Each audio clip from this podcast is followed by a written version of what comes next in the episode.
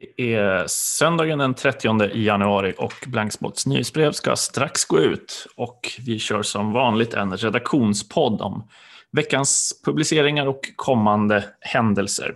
Men det, vi har ju redan poddat bara för några dagar sedan. Eller inte poddat, vi hade ett Clubhouse-samtal ett år mm. efter den stora Clubhouse-febern i Sverige. Så uh, väckte vi liv i vår Blankspot-klubb, heter det väl på Clubhouse. Uh, och körde. Vi körde ju varje fredag under förra våren. Och det var kul att, att göra uh, igen. Men du har ju inte Uh, säga, du, du, har haft ständig Clubhouse-feber under året.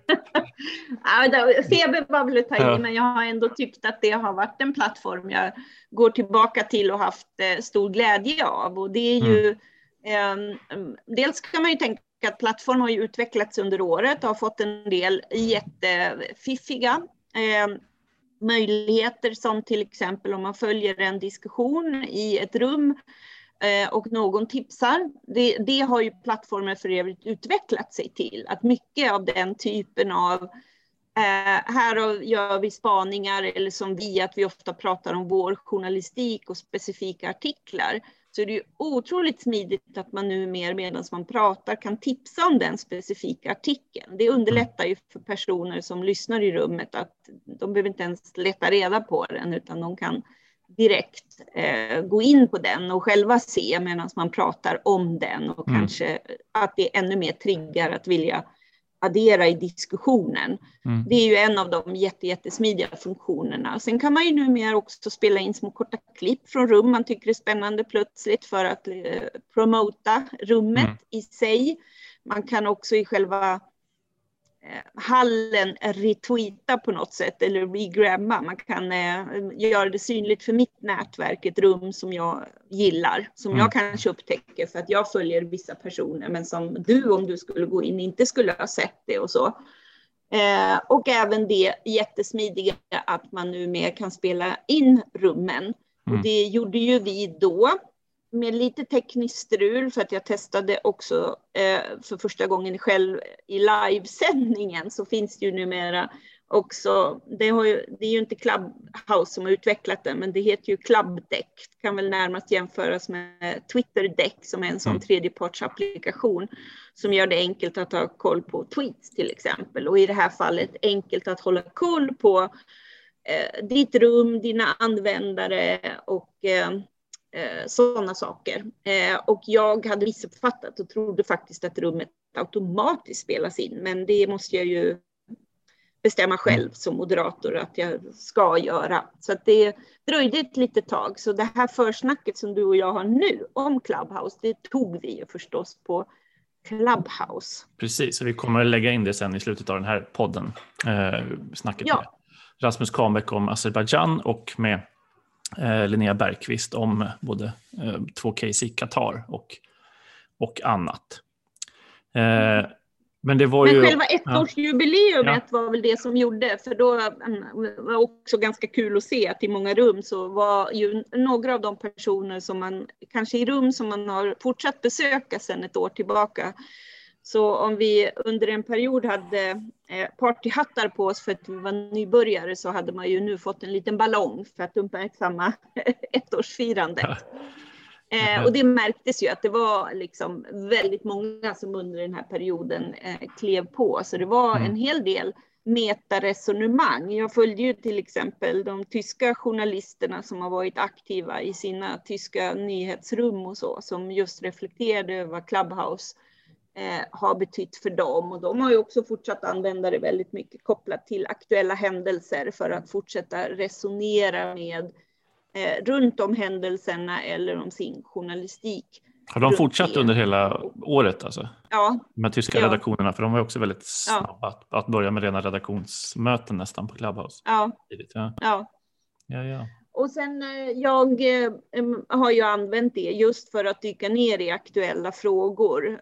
Alltså det är ju supersnabbt som det skapas ett rum kring en konflikt eller något eh, oväntat som händer eller när just när den här tredje vågen var det väl då med pandemin i Indien som drabbade mm. så hårt och som vi skrev om så var det ju otroligt eh, intressant att höra från verkligheten på plats mm. eh, på, på, ett sätt som ju är det som. Det är just de tillfällena då, det, då man känner att Clubhouse har bränt till. När man får in en röst ja. från ja, Indien eller om det är Pakistan eller vad det nu är. Det händer någonting, ett aktuellt nyhetsläge och så får man en person därifrån som, som berättar. Det är då det blir någonstans ja, verkligt unikt. Uh, ja, och ofta med direktkontakter till personer som verkligen sitter i beslutsskedet om mm, liksom, mm. vaccintilldelning eller vad det nu kan vara. Mm. Eh, väldigt, väldigt intressant på det sättet. Och sen mm. rent privat att det är ju eh, väldigt eh, härligt eh, Prince-nätverk som ja. regelbundet kör. Ja. Eh, klockan 20 ikväll till exempel. Ja, Eh, lyssna in Liv Warfield som ju kommer till Nalen i mars tror jag, eh, ja. bland annat är med i ett rum. Jag tyckte ja. det gav mer smak, alltså just den här enkelheten. Samla röster, alla ja. med sina telefoner. Det blir inte den här eh, podd, liksom studion och, och mankemanget med att få ihop personer. Nej, jag tycker att ettårsfirandet ja Eh, sparkar oss i baken när det ändå håller på nu med pandemi fram och tillbaka och vi mm. inte har chansen att träffa eh, läsare så kan vi träffa fler uh, nya läsare och några av våra fans mm. på det här sättet. Så jag tycker att vi plockar upp tråden från ja. att köra på fredagar. Vi har så mycket kul att berätta och mm. eh, det föddes ju lite ur behovet av att eh, prata mer med Rasmus om hans senaste mm, mm. granskningar och genomslaget för det, eller hur? Ja, precis. Mm. Nej, verkligen. Det får vi köra. Vi gör en liten blänkare om det i nyhetsbrevet som går ut nu också om nästa ja. Clubhouse-samtal. Ja. Um, men, men frågan är om, om, de, om folk kommer hitta tillbaks till Clubhouse. Tror du det kommer bli så?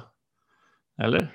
Nej, men alltså det, kan vi, vi kan ju använda det nischat eh, liksom, och nå vår publik nischat och säga till dem att gå in så kommer väl en del att göra det. Men såna ja. sociala medier. Men, och liksom, det stora värdet är ju att vi eh, ja, poddar får ju in det. på det. Ja, precis. Ja. Ja, och den kan du, den inte bara, du kan, inte, du kan ju lägga, um, se till att distribuera den som, som podd eller om du mm. vill um, lägga ut det på Youtube till och med, om mm. du vill det. Liksom, det är ju ett värde i, i sig, mm. mm men också möjligheten att faktiskt bjuda in lite nyckelpersoner. Det, det blir väldigt en, en snabb sändning kring mm. någonting. Mm. Eh, men jag tycker fortfarande att den plattformen är bättre än Twitter Spaces som ju mm. under tiden har tuffat på lite. Finns ju eh, Tyler Crowley har ju en väldigt populär eh, tech news-grupp som sänder varje dag. Där hela upplägget är att personer berättar och tipsar om intressanta, framförallt techspaningar, men det har blivit väldigt mycket hela världen perspektiv. Här, liksom, så. Ja. Eh, och eh, eh, han kör ju parallellt med Twitter Spaces på något väldigt sådär, jag tror han bara i princip lägger telefonen framför sin, sin inspelning mm. och så går du till Twitter Spaces och så för att fånga upp parallellt. Mm. Så det, sånt händer, det, det händer lite grann, men inte, inte kommer den svenska scenen hitta tillbaka. Alltså den svenska scenen tvärdog ju för att den här hypefasen blev ju bara en dag. Mm. Typ, eller två, där folk mm, liksom ja. bara, åh, har du en invite, har du en invite? Och så mm. fort alla fick invites och det plötsligt var öppet för alla, även om Android-användare var exkluderade, då dog ju hypen. Så det är ju intressant med det här hypeuppbygget, vad det faktiskt betyder för att eh, hålla vid liv och, och eh, liksom få igång ett användande som gör att som du kanske inte vill lämna ifrån dig så snabbt sen, liksom, även när det blir tillgängligt. Tror du, att, uh, tror att den här integritetskritiken och debatten som ändå blev mycket bland, bland journalister, påverkade den? Att nej, det tror jag inte. Ut? Nej. Nej. nej.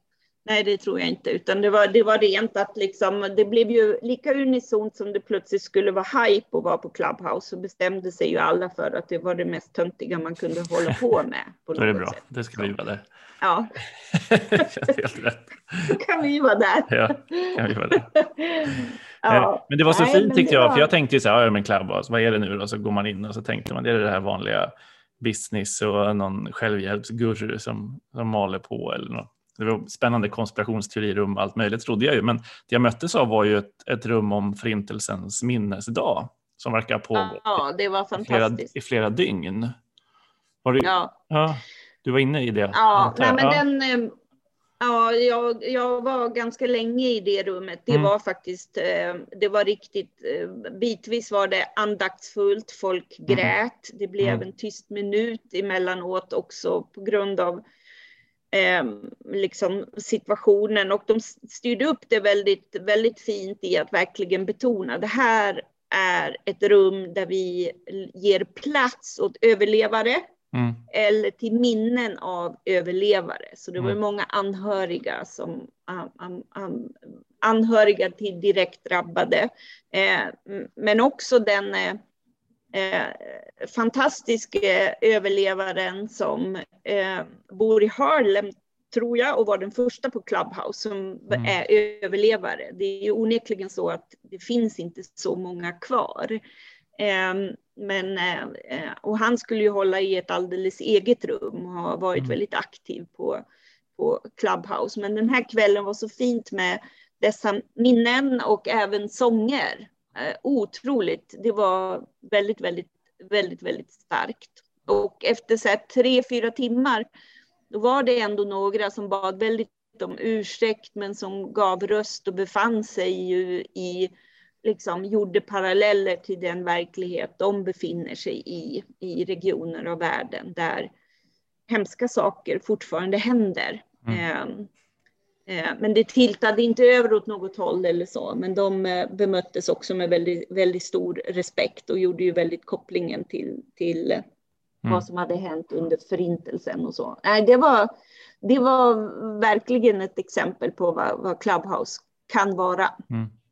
Ja, men mm. Fint. Vi, eh, I eh, Clubhouse-samtalet så pratade också Rasmus en del om Clubhouse och liksom Azerbajdzjan och hur han använder det lite som omvärldsbevakningsverktyg också. Eh, ja, och han var ju en sån som kunde, eh, kunde representera att han hade känt sig väldigt exkluderad i början. Ja. Vi fick ju intervjua honom via hans flickvän tror jag, ja, där precis, i början. Ja. Men eh, att han sen, sen det är, det blev ju tillgängligt för Android-användare så småningom också och mm. hur han sen dess använder det i sitt eget researcharbete. Mm. Mm. Yes. Eh, annat i veckan som jag haft ögonen på men inte skrivit om det är ju att stridigheterna i Etiopien i Tigray verkar ha eh, trappats ner i alla fall jämfört med tidigare. Och det pågår olika trevare om, eh, om förhandlingar eh, samtidigt som att retoriken är väldigt hård från, eh, från vad ska man säga, aktivisterna på bägge sidor kring det här, vad Etiopien ska vara för land, en stor enat Etiopien eller en massa olika små stater baserade på etnicitet. Och det är huvudfrågan som någonstans måste lösas med alla inblandade parter vid förhandlingsbordet. Ehm, men ja, små, små tecken i alla fall på att kanske det inbördeskriget har gått in i en, i en ny fas. Ehm, så det ska också bli spännande att, att följa vad, vad det kommer mer för nyheter ehm, därifrån. Mm, få fånga upp det i veckan och skriva mm. någonting också. Precis, ja. precis. Annars har väl den stora mm, liksom, snackisen i, i veckan som man ser och som de poddar man, många poddar man lyssnar på har tagit upp är ju diskussioner om, om Spotify och eh, Joe Rogan och Eh, vem anti, vad ska man säga, eh, synen på mm. vaccin och eh, vad som ska förhöras. Och, och som alltid i de här frågorna så blir det ett mischmasch av en diskussion om techbolag till en förvirrad yttrandefrihetsdiskussion till liksom att man ska ställa sig på någons sida i det här. Vad har, vad har du tänkt när du när du har följt den diskussion, de diskussionerna? Ja, nej, men dels var det ju jättekonstigt att ha spekulationen om vad ska Spotify göra. Det är väl självklart vad Spotify kommer göra. De kommer ta bort Neil Young. Han har bett mm. att bli borttagen. Varsågod, du blir borttagen. Det är väl klart att en enskild artist på det sättet i relation till det liksom affärsbeslut som har gjorts för länge sedan hos Spotify om vilken business det är för dem att ha Joe Rogan på sin mm. plattform. Eh, sen är ju Joe Rogan som, som mediekanal, eh, jag har ju själv i veckan faktiskt eh, eh fördjupat mig lite i liksom, de högerextrema strömningarna på nätet och vem man än lyssnar på i de här sammanhangen mm. lyfter ju upp det som den här populärkanalen på något sätt. Den, den finns ju, den är ju en del av den här sfären på något sätt. Och, eh, och samtidigt så är det, det betyder ju inte att de han intervjuar tillhör den sfären. Mm. Uteslutande liksom. Men det är ju också mycket, han har ju också egna konspirationsteorier. UFO dyker väl upp väldigt mycket i samtalen och, mm. och eh, i det här fallet att eh, det har eh, förekommit personer eh, och eh, anti-waxers, men mm. också motsatsen och så ju. Så att det är inte konstigt alls att Spotify väljer den vägen. Det har de gjort för länge sedan, så att mm. säga. Sen är det väl givet att det kommer komma eh, fler artister som vill protestera på det här sättet. Men långsiktigt är det ju så, de försvinner ju från, från radarn för mm. mm. människor. Så mm. är det ju. Eh, eh, så det är ju en liten sån eh, tröttsam diskussion runt de här sakerna och som du säger det här mischmaschet kring mm. tech, techplattformar och deras val av hur de vill driva sin business versus eh, yttrandefrihetsfrågorna och oron för desinformation. I det här fallet gick det väl så långt att WHOs general, en generaldirektör, förlåt o, min o, okunskap här vad han har för titel. Jo, men det är Men eh, alltså nämnde Spotify och problemet med desinformation. Mm. Ja, men vad tänker du? Nej, men jag, hade lite dina ord från när vi poddade förra gången i bakhuvudet också. Det här att eh, ja, men, lyssnarna och tittarna är ju smarta. Liksom. och eh, att det eh, ja, och som ja, andra poddar också varit inne på. Liksom. Vem vänder sig till, till Joe Rogan för råd om, om vaccin. Det kanske inte är den stora auktoriteten. Eh, men ändå såklart att, att, det, att det kan ha en effekt för de som, de som lyssnar på honom. Eh, nej, jag har, framförallt ja. ger det väl en ännu mer superexponering. Jag kan säga att jag har inte i detalj satt mig in i eh, liksom, hur mycket anti-waxers som har fått utrymme, hur starkt hans eget anti-waxers eh, linje är. Eh, jag förmodar att han har en sådan eftersom den här mm. frågan har kopplats så starkt till, till mm. honom. Eh, men det ger ju ett, ett nytt fokus på en eh, mediekanal som enligt mig fullständigt obegripligt är så väldigt dominerande, mm. liksom tar stor plats. Eh, men i vilken kategori och hur människor liksom förhåller sig till det i sin mediekonsumtion.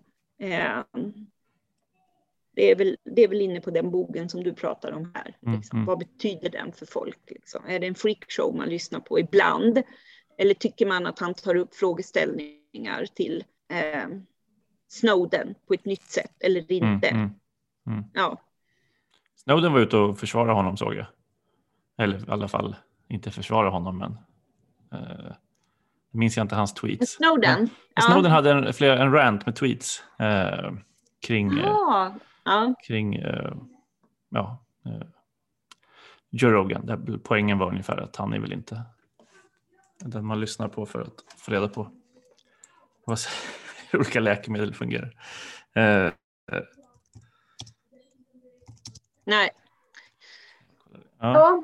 Men det lär nog fortsätta med fler eh, avhopp. Det senaste var väl eh, eh, Joni Mitchell, eller hur? Precis, ja. ja. ja. Som är lite poänger för att just diskutera, eh, fortsätta sätta fokus på frågan. Men i långa loppet så det är väl kanske lite som det här med att hoppa av Facebook för en period och sen mm, så mm. inser man att man inte har så mycket, mycket val. Nej, eh, men det här är också personer som i sin karriär ja, jag vet inte. om strömningarna på Spotify är en viktig inkomstkälla för dem, men de försvinner ju från radarn, så blir det ju i alla fall. Mm. Ja. Ja, spännande. En annan eh, diskussion som ju rör dina bevakningsområden, den skärningspunkten, journalistik, demokrati och medier. Eh, jag tänker i debatten om eh, en SVT-journalist som i ett forum för eh, svenskar bosatta i Storbritannien eh, la ut en, en eftersökning. Han intervjuade intervjupersoner. En sjuksköterska skulle vara förbannad på Bojo, alltså Boris Johnson. Eh, och det ledde ju till ett Twitter-drev mot, eh, mot honom.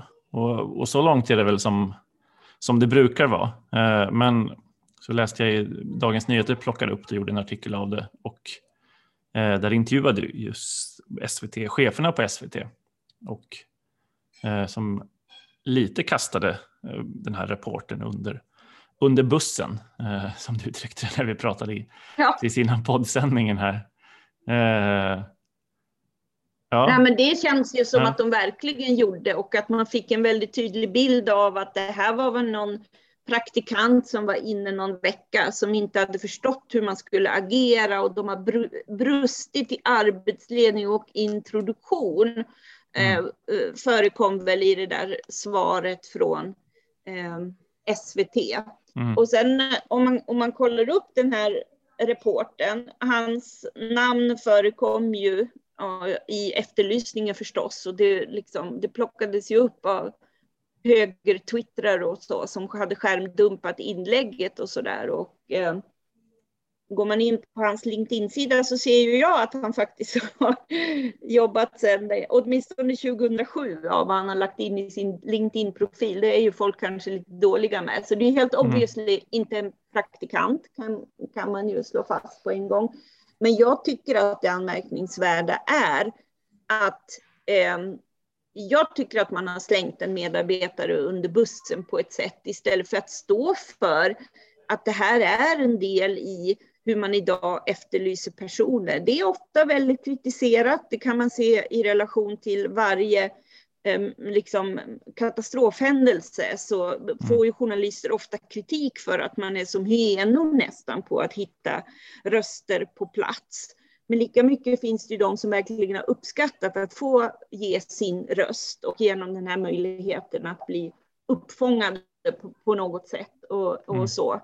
Eh, och att det inte det här snabba förloppet mellan några tweets, eh, någon nättidning på eh, eh högersidan som plockar upp Eh, och då vet vi hur det är igång och jag kan föreställa mig hur inboxen har sett ut för den här journalisten. Det är väl säkert så den här personen upptäckte att det här hände mm. eh, överhuvudtaget. Liksom. Och sen visst, det var väl kanske klumpigt formulerat att ta med ordet förbannad till exempel. Man ser i Twitter-reaktionen att många reagerar över, ja men det här var väl typiskt vänstervridna public service, att efterfråga en förbannad fackligt eh, aktiv person eller att man till och med frågade efter en sjuksköterska, vilket känns väldigt logiskt eftersom mm.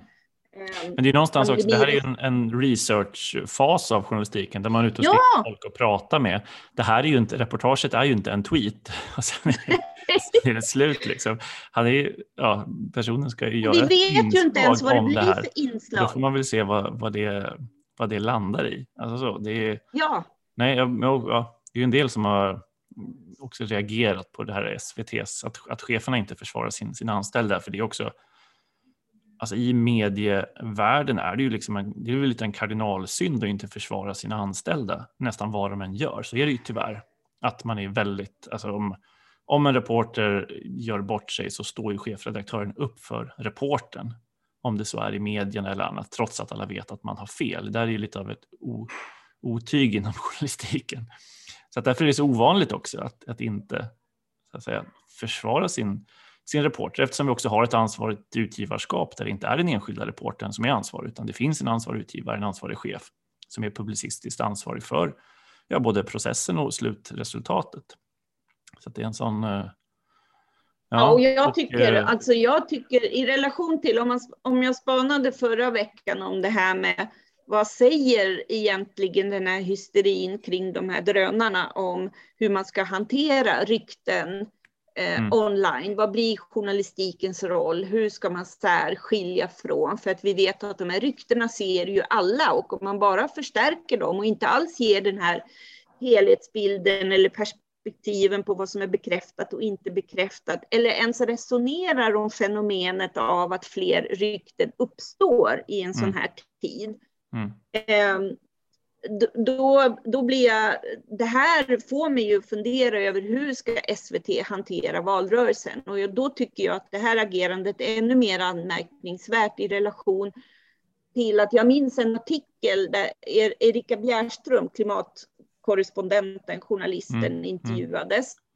och ju berättade om det hat och hot som hon utsätts för i egenskap mm. att vara public serviceanställd, klimatfrågor och kvinna och så. Mm, mm. Eh, och i de här attackerna som, och det sattes ju i ljuset av attacker mot journalistiken i stort och det var ju viktigt för Erika att sätta fokus på. Det handlar inte om mig, det handlar om hur journalistiken attackeras.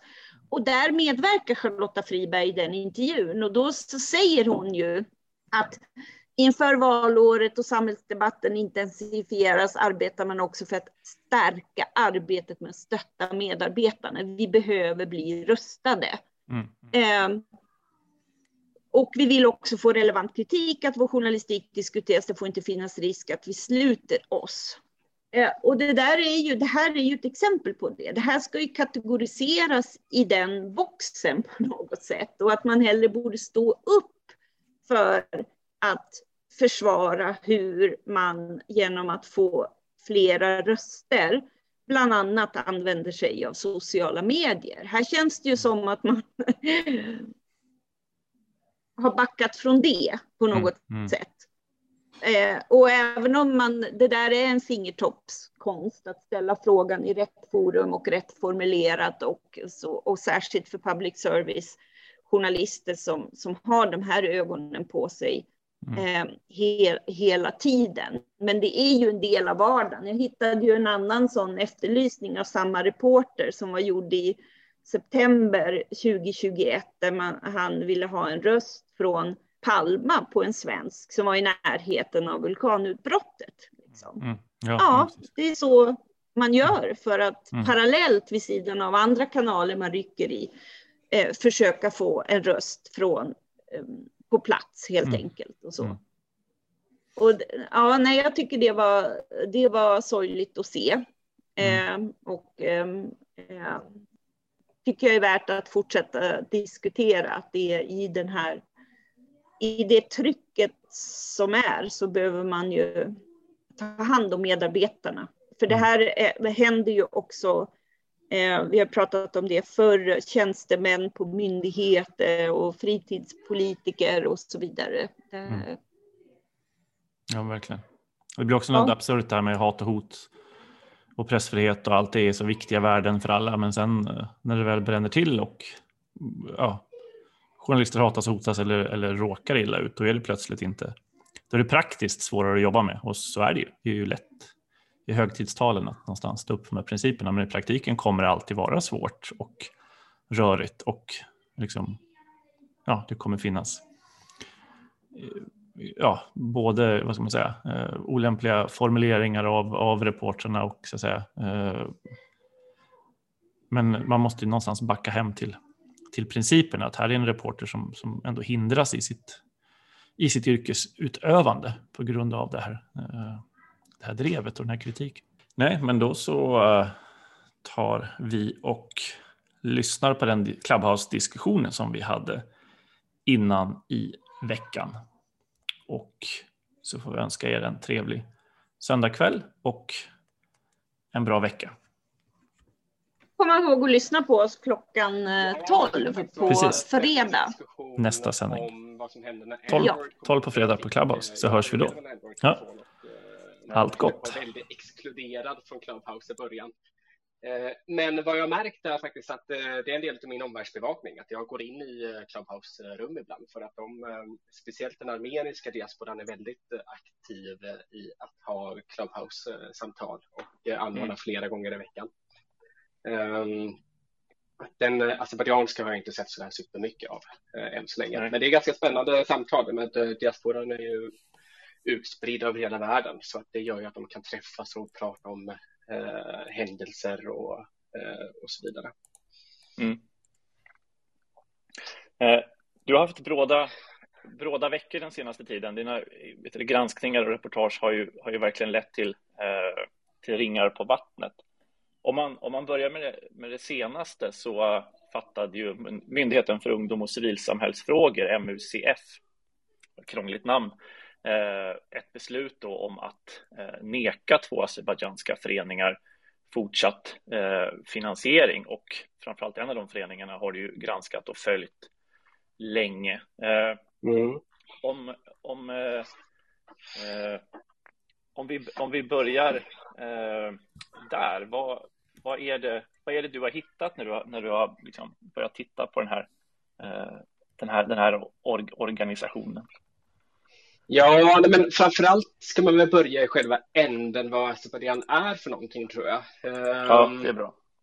Och eh, det är ju, det är ju en diktatur och eh, normalt sett i Sverige pratar vi om att Belarus skulle vara den sista diktaturen i Europa, men Azerbajdzjan ligger ju i Europas utkant och eh, ingår absolut i den europeiska sfären, så att jag tycker det är lite utav en eh, fel, felsägning. Eh, så mm. att Azerbajdzjan är ju en diktatur sedan väldigt, väldigt många år tillbaka och har egentligen haft, eh, varit mer hårdnackat än ett land som Belarus. Um, så att utifrån det perspektivet så är det ju ganska intressant att det finns organisationer i Sverige som då är kopplade till den azerbajdzjanska diktaturen.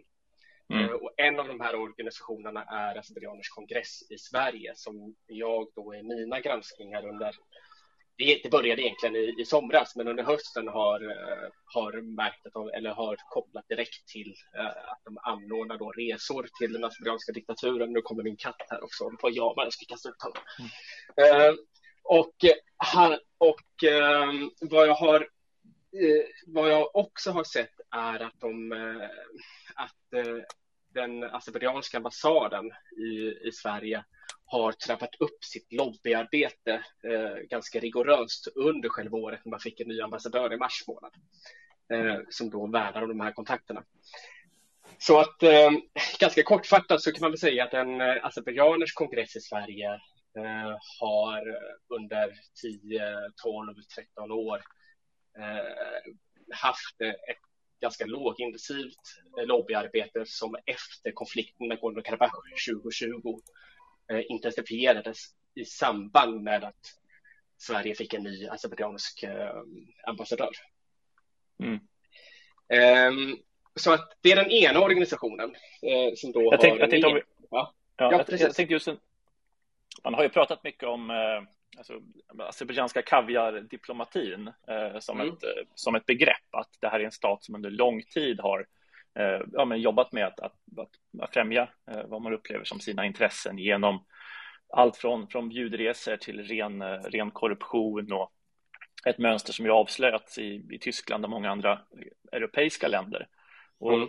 lite är det väl också som att det här arbetet kanske har har funnits men gått under radarn även i Sverige. Det har varit ja, men ett antal forskare och, och, och berörda som har lyft de här, lyft de här frågorna. Mm. Men jag tänker ändå det har hänt liksom väldigt mycket på bara några månader, både med den här bjudresan som, som avslöjades och som ju verkligen visade att det funnits en naiv inställning bland, bland journalister, bland liksom korrespondenter kring vad Azerbajdzjan är, är för land. Att eh, mm. man accepterar att resa på, på en bjudresa dit till att då liksom också svenska myndigheter har haft en, ja, inte haft koll helt enkelt på eh, vilken typ av organisationer man, eh, man stöttar. Eh, så att, eh, jag tänker, är, är det så att eh, Azerbajdzjan också har, så att säga, de här påverkansorganisationen har, har jobbat innan du började titta på dem? Kan man, kan man se liksom, spår ännu längre tillbaks eller är det att man har trappat upp det genom den nya ambassadören? Nej, men, det, men absolut, utan eh, vad man kan det, det här med, den, med den aspergianska kaviardiplomatin går ju tillbaka ganska långt bak i tiden som du nämnde. Mm. Um, och man började egentligen i Europa granska det på allvar eh, typ 2006-2007. Um, och, och det var eh, Right Livelihood-vinnaren Katia Isla Morgiva som, eh, som avslöjade dem. Hon är, eh, och eh, hon lever i Azerbajdzjan idag. Ehm, när det kommer till, till Sverige så har den som jag sa innan, alltså det, finns, det finns ju någonting i att eh, för att kunna få bidrag från, för en, från svenska staten för att kunna bedriva sin förening så man inte ta emot bidrag från diktaturen. Så att, så att när det kommer till regelrätta finansiella bidrag till de här organisationerna så har, vi, så, så har jag inte kunnat koppla det på det viset. Men däremot har jag ju sett att det har funnits ett, eh, ett lobbyarbete i Sverige eh, långt tidigare. Eh, och framför allt så brukar det blossa upp i samband med att Nagorno-Karabach-konflikten kommer fram. Eh, att man helt enkelt inte intensifierar, eh, intensifierar lobbyarbetet på olika sätt och vis. Och det handlar delvis har det handlat om att man eh, eh, hjälper, eh, hjälper ambassadören med kontakter i Sverige. Man eh, har organiserat olika träffar som eh, där man har bjudit in företag. Det finns, det finns ett, ett ganska känt exempel med en moderat, moderat EU-parlamentariker som som jobbade för en azerbajdzjansk tankesmedja 2012 och så finns det det här andra exemplet som du nämnde, den här forskaren Svante Cornell då, mm. eh, som har ett eh, forskningsinstitut i, i Nacka där, han, där man har lyckats koppla att det har funnits pengar direkt från azerbajdzjanska regimen till det här forskningsinstitutet via honom. Då. Mm. Så det är verkligen inte något eh, helt nytt. Däremot, eh, däremot har det varit väldigt viktigt det senaste året efter vinsten, vinsten i Nagorno-Karabach att sprida ett narrativ om att Azerbajdzjan har rätt. Man har varit, förmodligen är det så att man har varit orolig för att omvärlden ska titta på det här kriget i Nagorno-Karabach som att okej, okay, men Azerbajdzjan är de som har anfallit Nagorno-Karabach. Man vill ha ett annat narrativ där det egentligen är snarare så att man befriat Nagorno-Karabach. Mm. Um, så att eh, det är väl egentligen det stora hela där. Mm. Eh, jag tänker, i, har, har reaktionerna förvånat dig på eh, när, när du publicerade granskningen? Jag tänker både kring, kring bjudresorna och sen så kopplingarna mellan eh, ja, föreningarna och, och, och själva, själva diktaturen, men också efterspelet av bjudresorna, hur det blev konferenser i i, i Bryssel och så vidare. Eller vad, mm. vad säger du om, om, eh, om reaktionerna på, på det, det, som du har fått fram? Ja, så att eh, de här bjudresorna som jag granskade under förra året, de är egentligen en del av en mycket större bild där, man har, där, jag, sett, där jag har hittat en 250 namn som, från hela världen som till Azerbajdzjan. Så de här tio journalisterna, eller de tio journalister och fotografer som åkte till, till Azerbajdzjan i höstas från Sverige, Eh, mm. De är ju bara toppen på isberget så att säga. Um, alltså det, som, det som förvånade mig väldigt mycket var att det fanns liksom en eh, sorts naivitet inför Azerbajdzjan. Alltså att man inte riktigt um, jag hade ju ganska långa samtal med alla som åkte på bjudresorna, eller de flesta som gjorde det. Och, mm. uh, nu var det inte alla som ville ställa upp på intervju och så vidare, men jag hade ändå jag pratade eh, väldigt långa samtal med dem, eller hade väldigt långa samtal med dem. Jag hade eh, en lång intervju med en person som jag faktiskt publicerat som har skrivit, eh, som jag har en lång intervju med i Blanksport också. Mm. Men om vi kollar på reaktionerna från, från den mediala bevakningen och så vidare. Det som jag har blivit förvånad över är att man att, att man eller det som jag reagerar på rätt ut sagt, är att det är mycket lättare att skriva om den azerbajdzjanska korruptionen än att eh, skriva om folkrättsbrott eller skriva om krigsbrott som Azerbajdzjan har begått i Nagorno-Karabach. Mm. Eh, och allt det här hänger ju ihop på något vis. Alltså, mm. det, det ena är att eh, Azerbajdzjan vill, vill, vill, vill eh, sprida sitt narrativ om Nagorno-Karabach och man gör det då genom bjudresor till en viss del eh, mm. för journalisterna. Um, och det, och det finns ju um, det finns ju en, en viss frustration i det som, från min sida, jag som skriver, att, jag får, att, att det mediala genomslaget är mycket större när man pratar om ett ganska eh, liten händelse egentligen jämförelsevis med vad ett krig i Nagorno-Karabach kan betyda. Mm, alltså en svensk journalist med på en bjudresa, då blir det ringar på vattnet och diskussioner i medierna och, och, och rewrites i andra medier. Men däremot om du liksom pratar med vittnen som, som berättar om grova övergrepp mot mänskliga rättigheter som, som är led av krigföringen så är, så är intresset mera, mera begränsat. Eller nu mm. en svensk myndighet då ja, öppnar eller stänger kranen för bidrag till, till olika svenska azerbajdzjanska föreningar så blir ju det en, en, en, en, en större nyhet eh, i mm. Sverige också. Ja, det där är ju ett, eh, det där är ju ett, ett dilemma, Blankspots grundläggande dilemma. Ju mer vi eh, bevakar bortglömda saker ja. långt borta, desto vi publicerade till och med vår lista här inför jul med våra, våra minst lästa artiklar. Och en av de minst lästa artiklarna var en artikel som handlade om att Kongo var det minst bevakade kriget. två, nivåer av, två nivåer av meta. Men jag tycker du gör så fint att du gör ju den, den kopplingen i de här äh, mer texterna som du kan ta hem till, till Sverige. För det, det är väl någonstans också vår uppgift som journalister i Sverige att det finns ingen annan som kommer göra det jobbet. Så att säga. Eh, eh, där får man ju också den stora bilden eh, mm. av, av Azerbajdzjan och, och de andra över, eh, övergreppen. Eh, om någon av er som lyssnar så, så räck upp handen. Har ni frågor till Rasmus eller tankar om vår liksom, bevakning eh, här i stort? Jag pratar med Rasmus Kahnbäck som har granskat eh, Azerbajdzjan i eh, många artiklar för, för Blankspot de sista sex, sex månaderna. Men om man tar det, det senaste då som, som hände just att eh, man fattar beslut om att då strypa bidragen till den här föreningen beroende på då de här demokratikriterierna man har för, för statsbidrag till, till, till etniska föreningar. Eh, mm. Vad är det som, eh, som myndigheten har reagerat på i, i, i den här föreningens, eh, föreningens arbete? Ja, om vi bara kollar på Azerbajdzjaners kongress i Sverige så, så handlar det just om att man har haft eh, ganska eh, man har haft kopplingar till den azerbajdzjanska diktaturen. Eh, mm. Man, man har reagerat på att eh, det på att man kan inte ha anordnat de här bjudresorna utan att faktiskt samarbeta med den azerbajdzjanska diktaturen. Mm. Eh, dessutom, det är lite lustigt det där för att i Azerbajdzjan så eh, det, det, det, är också en del av att granska Azerbajdzjan att, att man har en helt annan eh, bild av världen än vad vi har i Sverige.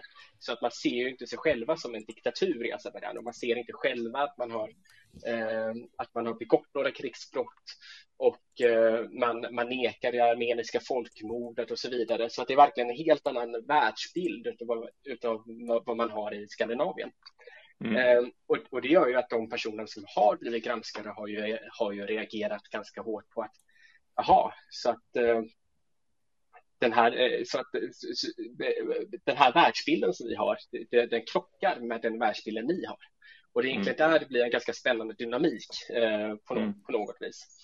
Och då är frågan, okej, okay, men om det är så att man, hur, hur relativiserande ska man vara i, i myndighetsbeslutet? För då har de eh, eh beslutat helt enkelt att eh, vi kan inte acceptera att en förening har kopplingar till en diktatur på det här viset.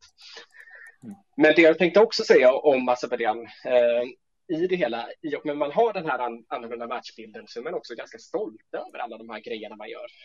Så mm. eh, det, det, det, är liksom inte så att de försöker dölja på något vis att de gör, jobbar med bjudresor, utan de tycker att vi bjuder människor till vårt land, de är gäster, vi ska visa upp vårt land. Det är det narrativet.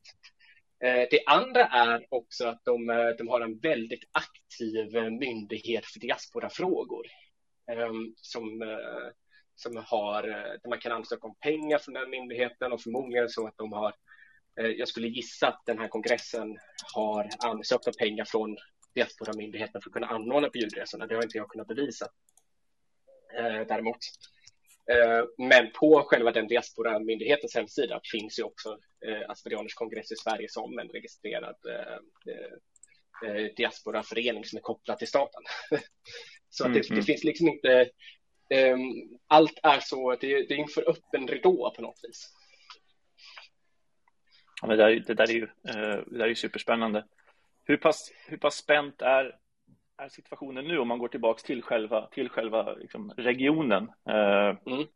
Kriget varade i drygt en månad, men sen så blossade det väl upp stridshandlingar här under jul, jul och nyårshelgerna? Ja, det har ju egentligen gjort det. det har gjort det under hela året egentligen. Mm. Så att konflikten är ju väldigt komplicerad för att den handlar ju, i grund och botten är det en territoriell konflikt mellan Armenien och Azerbajdzjan. Där, mm. eh, där armenier i Azerbajdzjan har brutit sig loss från Azerbajdzjan. Så, att det, så man kan säga att det är egentligen tre stycken eh, entiteter. Det är Nagorno-Karabach eller republiken Nagorno-Karabach, Azerbajdzjan och Armenien. Mm. Um, så att uh, konflikter har brutit ut mellan Azerbajdzjan och Armenien uh, framför allt under året, vilket, vilket, är, har, vilket är annorlunda än tidigare då det är rent folkrättsligt så blir det mellan två stycken stater som ändå erkänner av omvärlden. Um, mm. Så att sedan i maj månad har det, har det kanske varit en sex, sju stycken incidenter där Azerbajdzjan har gått in i Armenien och eh, i, i, i Armeniens territorium i princip. Um, och eh, bara här för en vecka sedan eller två så var det en av de första striderna mellan Azerbajdzjan och Nagorno-Karabach som skedde också. Eh, och det var det i en by som jag eh, besökte i mars månad i Nagorno-Karabach som, som jag pratade med en som jag intervjuade som berättade att deras grannens hus hade blivit anfallet och att bilen hade brunnit upp och sådana saker. Så det är mm. Ganska, det är spänt. Det är väldigt spänt och Eh, det, det, finns väldigt, väldigt lite reaktioner från omvärlden. Det är knappt en TT-nyhet i, i, i, stora riksmedier i Sverige om att det faktiskt sker strider eh, nästan varje månad sedan i maj månad. Mm. Mm. Eh, ja. Det är otroligt viktig din rapportering där. Är det någon som har någon, någon fråga eller tanke ytterligare till, till, till Rasmus? Britt, har du något inspel? Nej, ingen som äh, vill kommentera. Mm. Ja, ett annat äh, fokus område har ju varit Eh, Qatar den, den, senaste tiden. Linnea Bergqvist skriver ju som sagt om eh, demokratifrågor och bevakar val. Eh, och det här rör absolut inget val, men du har tittat mycket den senaste tiden kring två stycken eh, öden kan man säga i Qatar.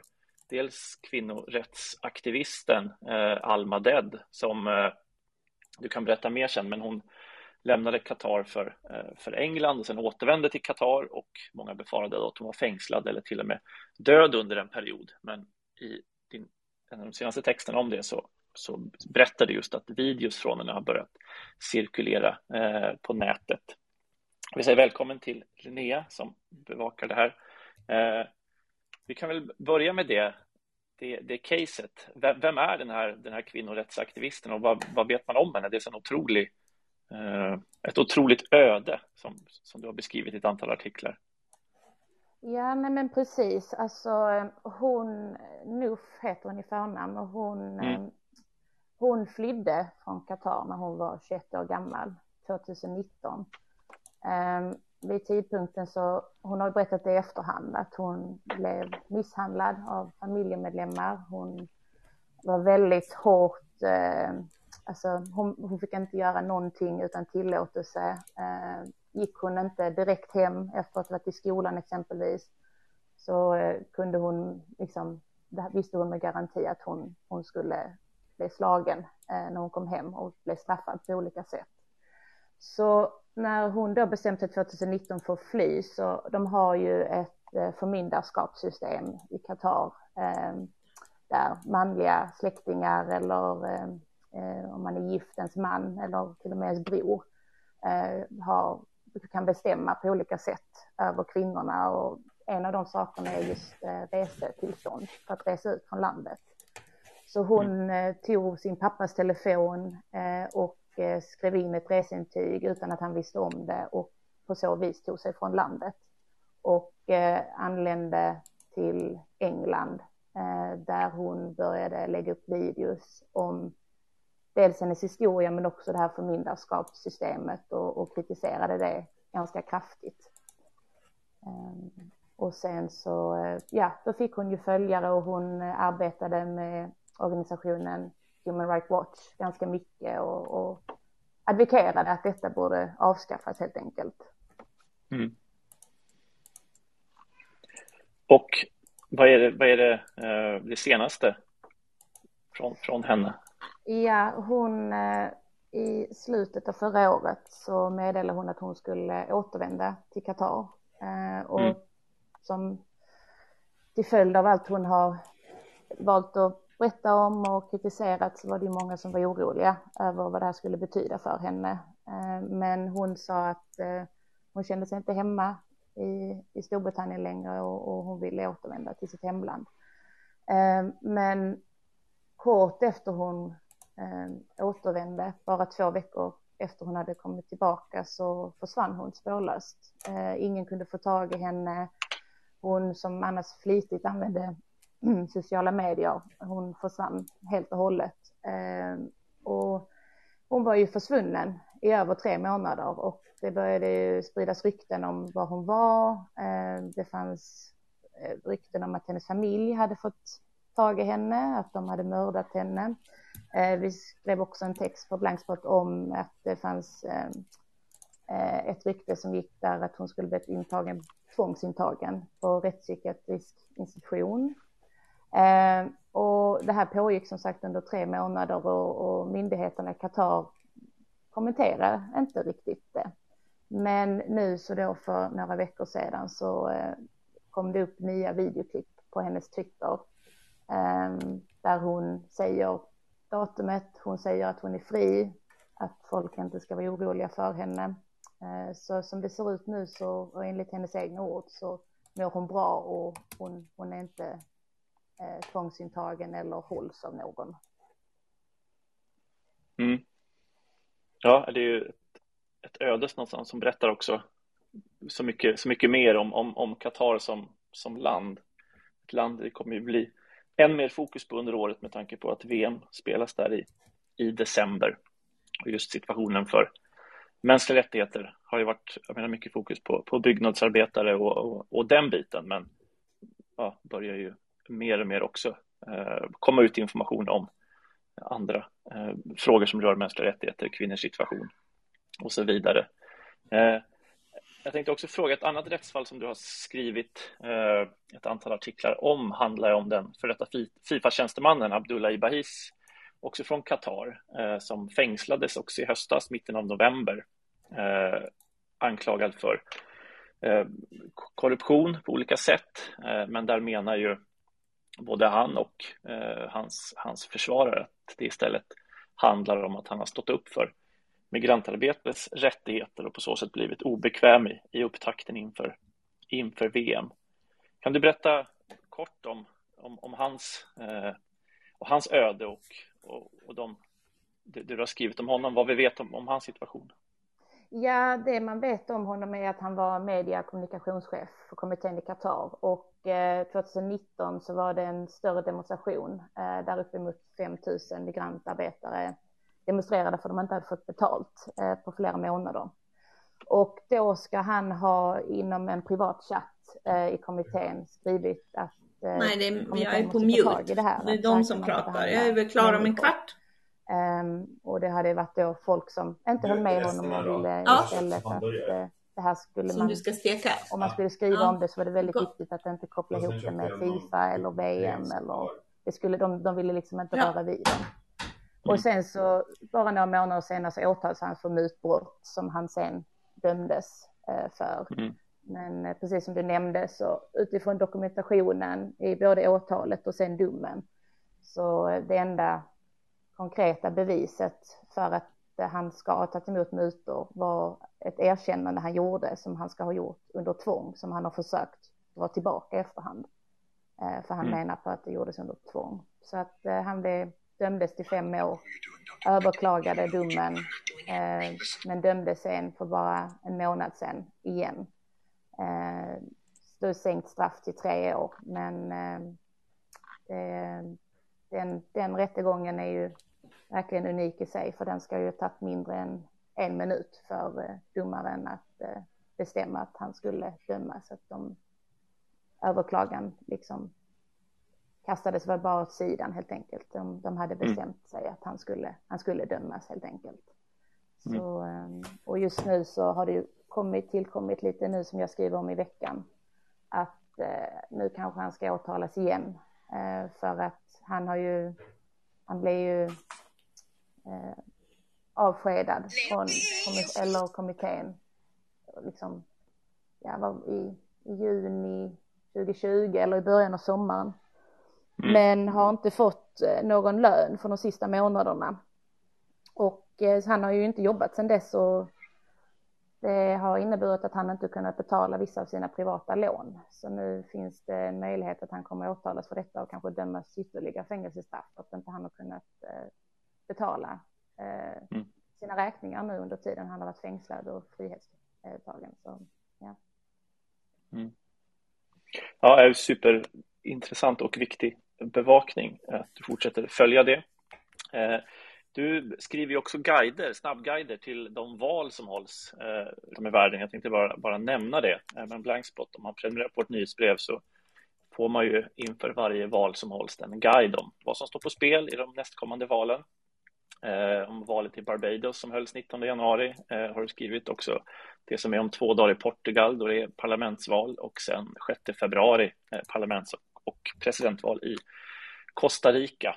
Eh, oerhört eh, högoktaniga texter om vilka aktörerna är och vad som står på spel. Så det kan jag verkligen rekommendera Linnea Bergqvists valguider eh, på sajten.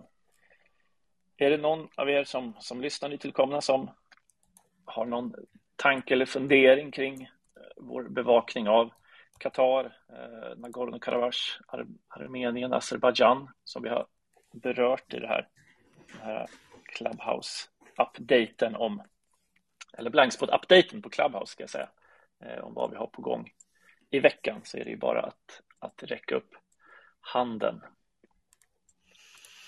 Och om man inte är flitig användare av appen så kan man ju eh, eh, kika lite i telefonen och se att där la jag till exempel nu upp länken till snabbguiden. Eh, man tenderar ju att lyssna mer än att kolla på skärmen, men det är ju ändå väldigt härligt att man kan dela länkarna medan någon pratar om det. Som ett exempel på sen sist vi befann oss här